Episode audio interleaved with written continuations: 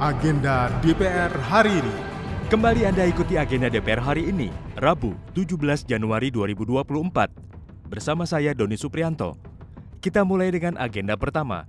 Pada pukul 9 pagi, P3S DPR RI mengadakan rapat anggota dengan agenda penyampaian laporan pertanggungjawaban pengurus periode 2019-2023 dan pemilihan ketua P3S DPR RI periode 2024-2028 bertempat di Gedung Serbaguna, Masjid Baitur Rahman DPR RI.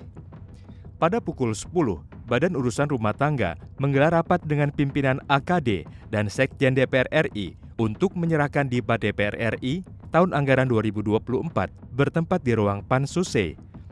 Sekarang kita berlanjut ke pukul 12, di mana Komisi 10 DPR RI menggelar rapat dengar pendapat umum dengan guru honorer. Kita berlanjut ke pukul 13 waktu Indonesia Barat, di mana Komisi 2 DPR RI menggelar rapat kerja dan rapat dengar pendapat dengan Menteri PAN-RB dan Kepala BKN dengan agenda tindak lanjut pembicaraan rancangan peraturan pemerintah dari Undang-Undang Nomor 20 Tahun 2023 tentang ASN dan rekrutmen calon aparatur sipil negara tahun 2023. Kita berlanjut ke pukul 13 waktu Indonesia Barat, di mana Badan Legislasi menggelar rapat pleno kajian tim ahli dalam rangka harmonisasi rancangan undang-undang tentang penyiaran.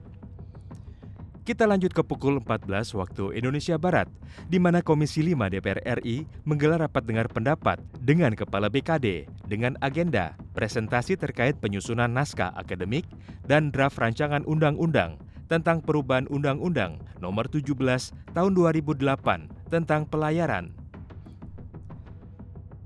Sampailah kita pada agenda terakhir di hari ini, di mana Komisi 2 DPR RI menggelar rapat dengar pendapat dengan KPU Bawaslu, DKPP, dan Dirjen Polpum dengan agenda melanjutkan rapat pada tanggal 16 Januari 2024.